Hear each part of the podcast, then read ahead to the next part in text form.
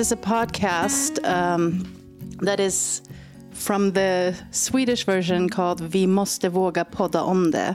So I'm sitting here next to Chris Vinoy, and uh, welcome. It was Oh, a thank long you. flight.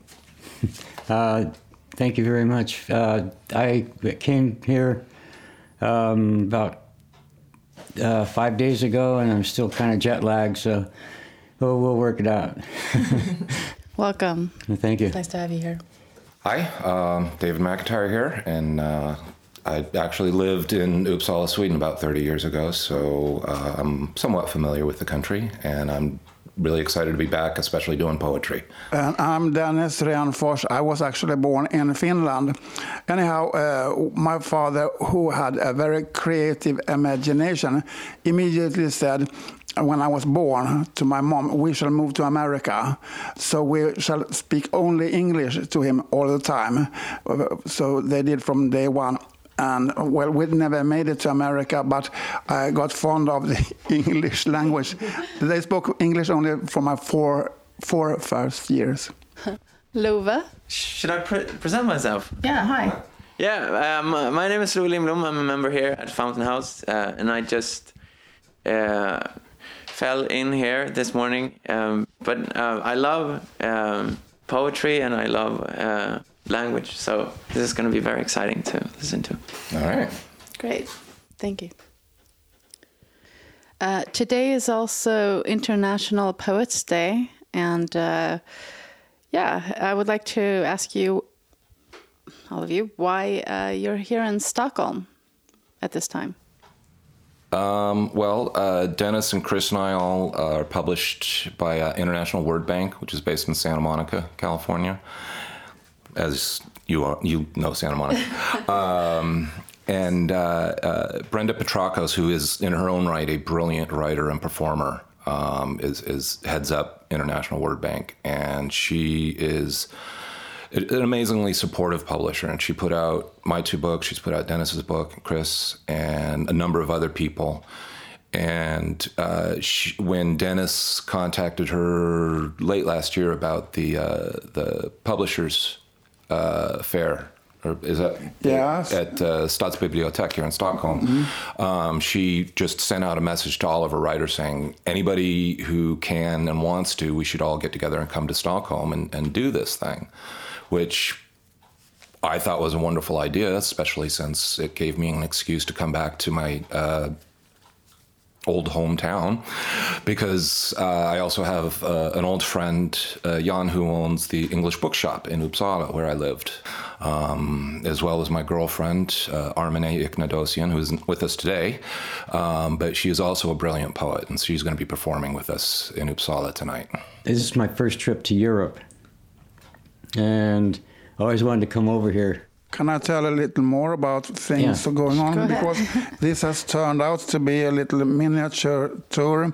So uh, the last uh, Saturday we were in the poetry slam uh, Huddinge outside Stockholm, and uh, we were the guest uh, poets. Now, that was fun, I think. And now we're here, and uh, tomorrow, Wednesday, uh, 22nd, we will be reading uh, 2 o'clock uh, at the bookstore, uh, St. Paul's at uh, Maria Torget. Friday, the main, biggest event, I would say, that's at the library, Poesimässan, the poetry fair.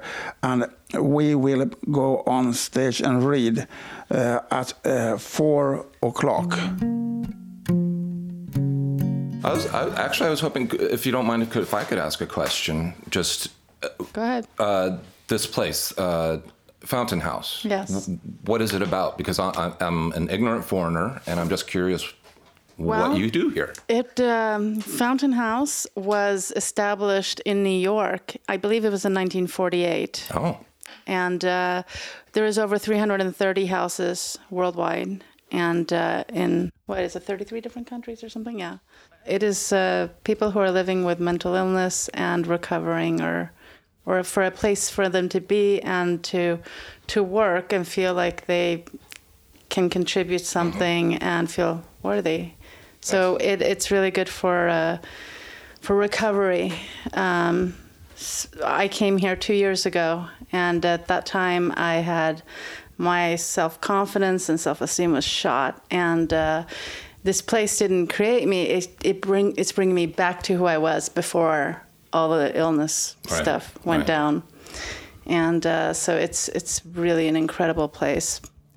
Um, just we have two sections. We have a kitchen and uh, office, and it's simple tasks that we write up all the things on a board, and uh, then we choose what we want to do, and uh, it's all voluntary work.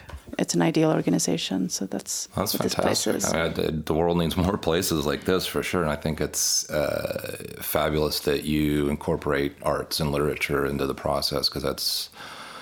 I mean, I mean, speaking personally for myself, uh, being able to write, being able to create music is certainly one one of the many tools I employ to deal with you know my own mental health issues. Uh, if I didn't have a creative output, all the negative stuff that I go through or deal with or feel all the time would just be bottled up inside and be able and being having the ability to kind of create something artistic out of that turmoil uh, really can make all the difference in the world. You know, it's not like I write a poem and go, okay, I feel better, um, but I'm no longer carrying around all that crap inside. I'm just, you know, it's I can look at it outside and go, okay, I've I've sort of at least in some ways dealt with it, and I don't have to think about it actively. I can go back and refer it, and it's I don't know.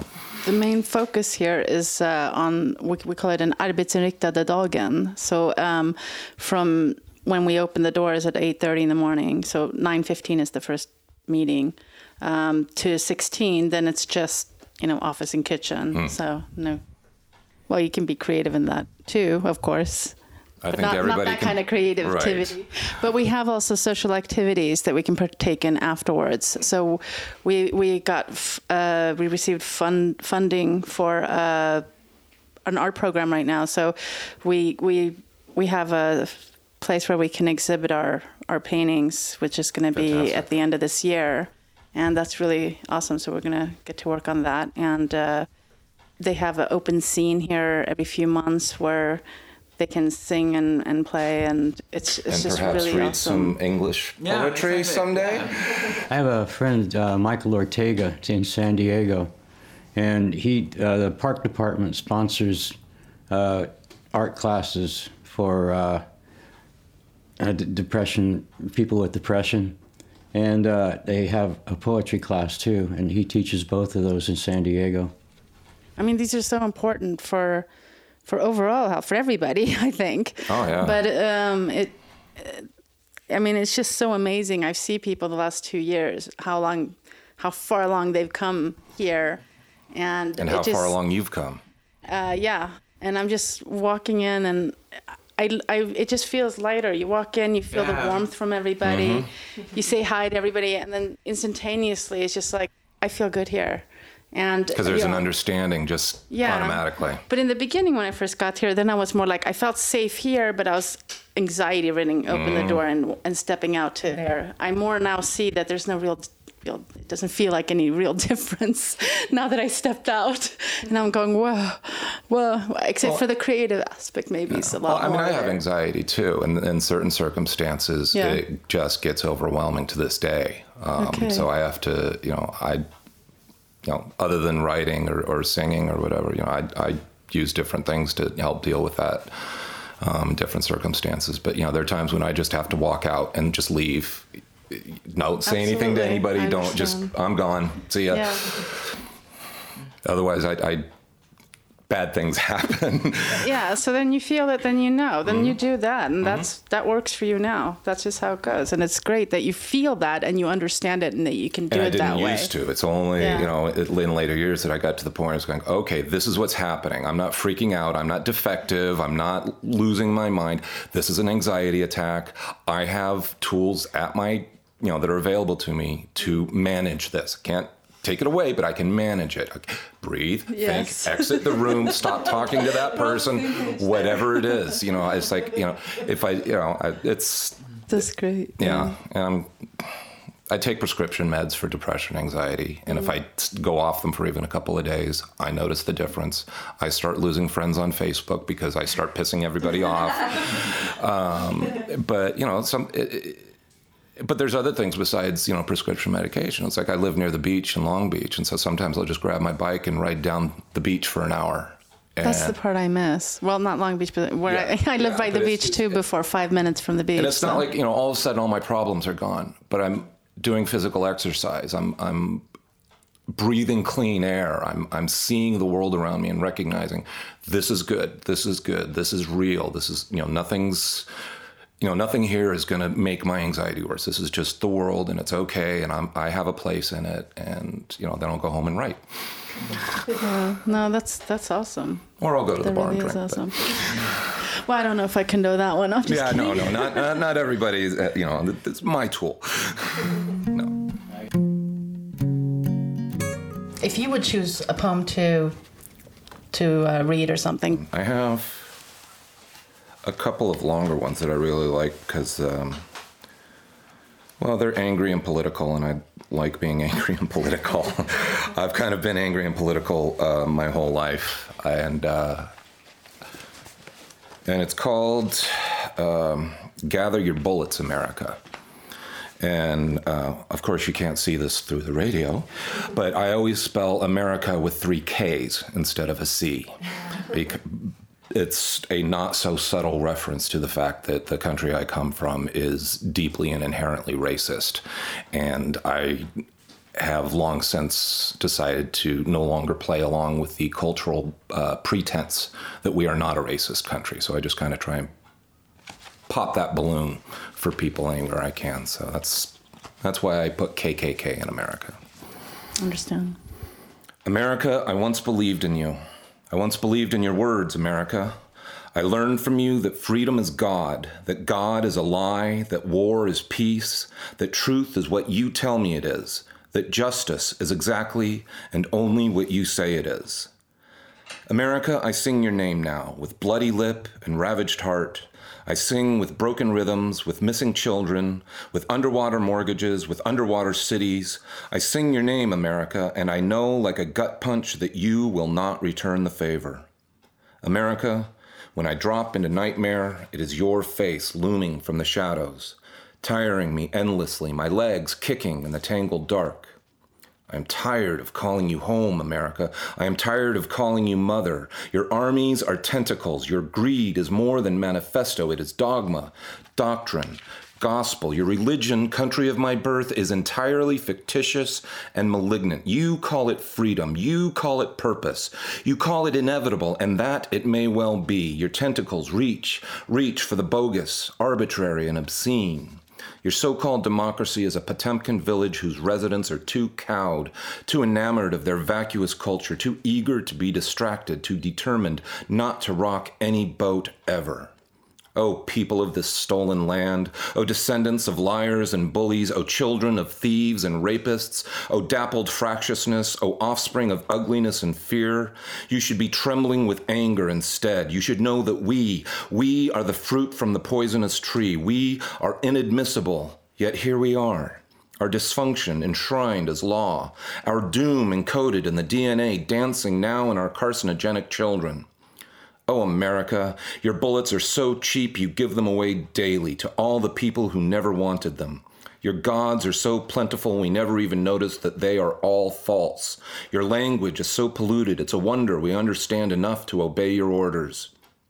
America, your palace guards wear bulletproof vests now, and we are tased in the classroom, at the bus stop, in the streets, in the streets where your soldiers now sleep, the soldiers you no longer need, America. You steal people from their lives and you turn them into killers, into tools, into cogs in your angry machine. And when they slip, when they are broken, then they sleep on the street, in the alley, at the feet of your shining tall buildings, America. The hungry are at your door and you will not feed them. Instead, you give them more cast off lies, more euphemisms for uselessness, and a sympathy so deeply flawed it is now blame. O false gods of this land, I beseech you, pull your own tongues out. Let us taste the world's glory. Let us lick the sky if that is our choice. You won't. You are afraid. But I tell you, false gods of America, we will keep tasting. We will French kiss the stars every night. America, your religion of dollar signs and petty disinformation is killing us. But we will live and live and live because we are alive, America. No matter how weakly, America, we are alive. And we kiss the stars nightly because we are alive and we must feel that ancient light in our teeth. We are alive and we are busy licking the sparkling and the rusted alike dusting our skin like drag queens. America, no matter how poorly, no matter how poor, we will still set a place for the hungry. You see broken democracy. You see ugliness incarnate. Only the poor know how to share. Only the workers know how to build a bridge. Only the weak understand strength. Only the diminished will ever truly shine. And we will shine, America. Even if you never see it, we will shine on the bridges we have built. We will sparkle in the night. We will shade in the day. We will feed America and we will shine. And you, America, you and your infinite wisdom will kill us. You will kill us every chance you get because you cannot stomach the storytellers. You cannot tolerate the speakers of truth. So you beat us, America. You jail us and you kill us and you rip out our tongues and you break our hands and still, still, America, neither of us seems to learn. You still kill us. We still shine. We are broken, America but we will shine and shine and shine. So gather your bullets, America. Gather your palace guards. Gather your censors and your oil money and your foreign policy and your trade agreements and your inherent racism. Gather it all, America, because you will need it. Because we will still shine and sparkle and lick the stars and sing, America. We will still sing. Oh my, oh my. Thank you. Let me see. I got a poem called uh, Magic Coat. I wrote it about a lady I was going with at the time that had really severe depression. It goes, um, oh shoot, how's it go? Uh, no, that isn't it. Ah, shoot. Magic Coat. She wears her depression like a thrift store overcoat dirty at the elbows from crawling over nightmares in small locked rooms that won't let her out. In her mind, she bounces Philly to D.C. on a train, drunk and swerving. Her hollow laughter echoes over the intercom, broken only by announcements of unfamiliar towns with Spanish sounding names. Poverty and palm trees blur into Prozac from TJ, one pill left when she needs three. With cracked hands, she sews at the rips in her sanity using coarse metal string. Each stitch sawing new holes where tears gather that wait for the scratching of splinters that will wake her from drug sleep. Today she'll wear her Saks Fifth Avenue red pumps, run over at the edges, and wrap herself in a magic coat of hopeful possibilities, trusting that fate will not fog the mirror in which she can still see her smile. That poem was the poem was written about uh, a lady that was the first African American person to work at the National Geographic Society, and uh, she came out to California, and she was living in a, a, a studio for a while, and we, we uh, were reading different poetry readings around town.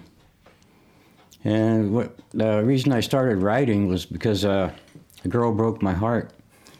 That she kept me writing for 40 years, even though we, never got together. Pretty much love and political stuff. Uh, let me see something else. Uh, been writing for probably well since high school, except for two two different breaks. One, one break was when I was raising my family and the second break was I started uh, doing artwork and just did artwork for about 10 years and no writing at all. But during those 10 years, I was always out doing uh, poetry readings.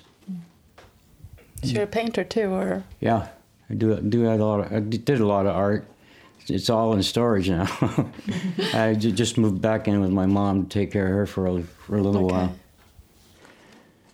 After I started writing again, after I stopped doing well i never stopped doing the art but after i slowed down on the art uh, the poem i started writing poems and started looking back and looking at uh, how I had affected the audience and how grat- grateful I was that, that I could uh, read my poems to them.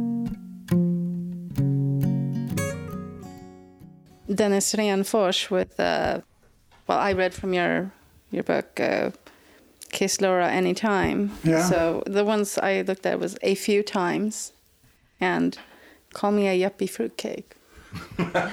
Oh, you like those? Those are quite odd. Yes. well, that's what I chose. Wise choice. you really, you really surprised me. I would like to start with a few times.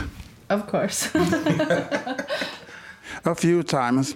A few times in my life, I've met strangers telling me, You are not honest. Those guys had in common they seemed dissatisfied and in a bad mood, and there was something dark around their eyes.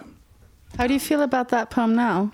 I like it. Uh, I, I'm happy I wrote it down, lad, so uh, you don't have to think about negative people as much. You don't have to uh, think about negative people as much if you have written. You can get, uh, in a sense, you can get those things out of your system. So it's out of your system onto the paper then, and then Well, yes. so then it's really out of your system. No, not entirely, but pretty much. Pretty It much. makes it manageable. Yes. Yeah, yeah, no, I true. understand. It's a, it's a purging thing. so Yeah. I write a little bit of poetry too when I'm angry. I paint when I'm happy, so I paint more nowadays. The other one is called Call Me Yuppie Fruit Cake. Yuppie fruitcake. Yeah. Yuppie fruitcake. Here we go. And you can call me Yuppie Fruit Cake, but I will never die. Good. Call me two bits dimwit, but I will never die. You can give my pants to the Salvation Army. Tough, I guess, but I will never die. Just give me one extract, just one extra, so I know for sure. Man overboard, but why always, always call for me? Uh, thank you. I'd like to know the last line there. Oh, well, I have been um, uh, trying to help other people, but they are not always grateful. Uh, you know? Okay. Can I throw in an English one since I'm? Uh, Yeah, of Because course. I have one English one that I actually remember. A, a poem. yeah, and a- a from Please. back, back in the Nice. day Yes, yes, yes, yes. This is yours? Yeah. Okay. Play, oh, So uh, this is back. This was like years ago. okay. I'm empty, I'm stranded. Judgment day has passed. Evil conspired behind the books and white coats. Break the spirit, thrash the soul, burn through and through until you're old. Deceiving smiles chill your bones, condescending remarks, the casting of stones. I live my life at ease, or so it seems, until the fury builds in me and I fall to my knees. Locked in darkness, confusion, and madness, then out of an instant, I pull together, aim to please. I'm as sane as you want me to be. I can be anything, chameleon me. Because there are times when I've written poetry and been like, whoa, where did that come from? And I Oh, don't yeah. quite get that. so it's, it's just, I have a one of my favorite poems that I've ever written. Uh, actually, uh, I probably wrote it ten years ago, eight years ago, and it came out just in a fever. And as soon as I finished it, I knew it was finished. And to this day, I have no idea what it's about. no idea. I cannot explain it. I could not. Get, but it's a beautiful poem. I love it, and it's actually the poem that uh, one of my publishers saw first, and like said, "I want to publish you." So it was like, okay, somebody got something out of it, and I got something out of it. So, but I could not. If you held a gun to my head, I couldn't tell you what it's about.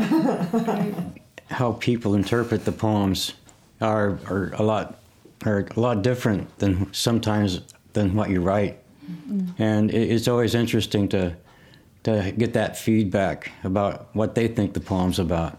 And you never know when uh, you put a poem out there, whether it's in print or you know you perform it. You never know how somebody might take it or what they may take away from the poem. Uh, years ago, uh, when the internet was brand new, I got an email from a woman I didn't recognize her name, and uh, the email simply said, you know, are you the David McIntyre who used to perform at Bebop Records in Reseda, which is a place I used to go perform all the time back in the, you know, years ago. I had no idea. So I, I said, yes, that's me. Who are you?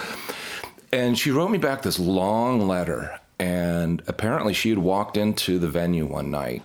I never spoke to her. She never talked to me, but she came into a venue where I was performing poetry.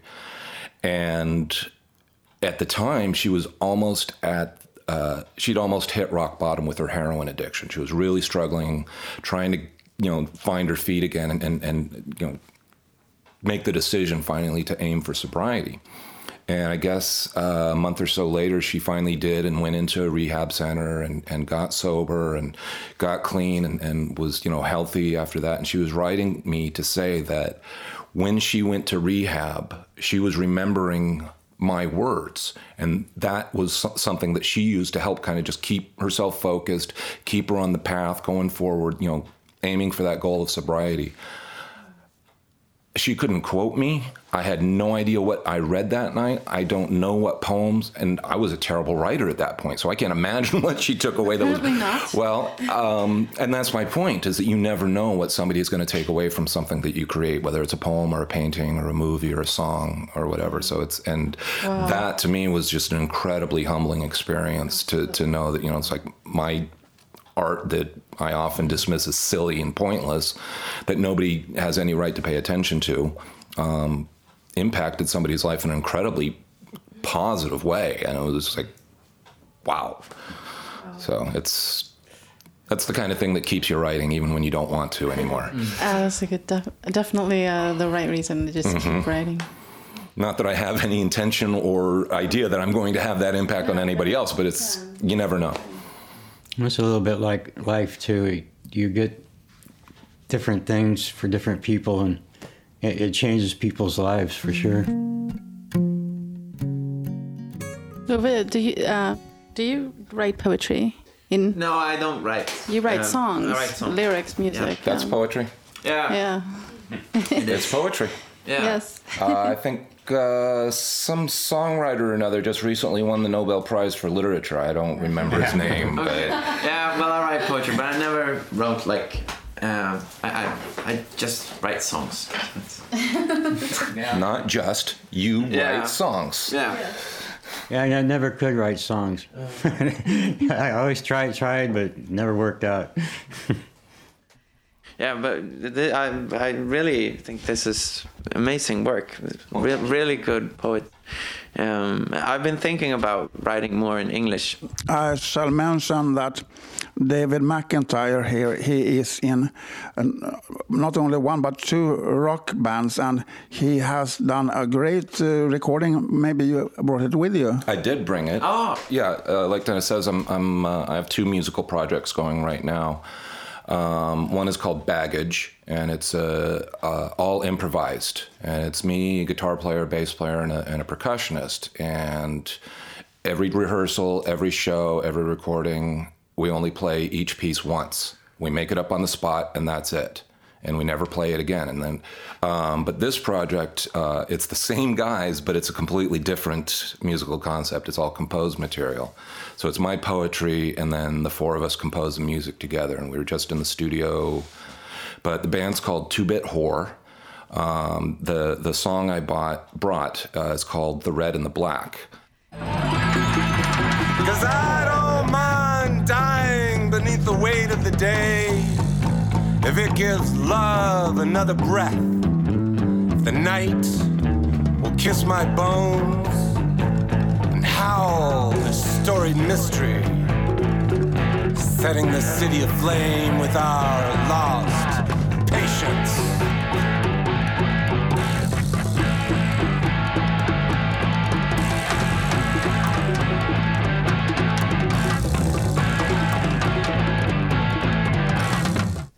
Thank you. We're supposed to round this off, which is kind of a bummer. Yeah. Because this is actually quite fun.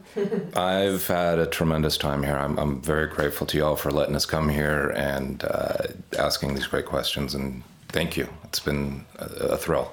Thank you so much for being here. Yeah, I've had a wonderful time too. And I hope, uh, hope I can make it back to Stockholm And, and thanks to Dennis too for uh, helping set this up too. It's uh, very grateful. Oh, you're welcome. And if, to me, it was very nice, to, interesting to hear uh, all, all of you what you were talking, new new ideas, you know, inspiration. So I do say thank you. I'd also, if I can, real quick, I just want to thank Brenda Petrakos, our publisher at International Word Bank, because again, without her, none of this would be happening. So That's right. True, true. So thank you, and uh, have an awesome day. The sun is shining, and it's it's going to be great. And uh, everybody, listen to uh, these three people for poetry. It is David McIntyre, Chris Vanoy, and Dennis Rianfors, and uh, a woman that could not be here today, uh, Armine Armine Armine Ignadosian. Ignadosian. Thank you. Thank so you. much. Thank Yeah. you. Thank you.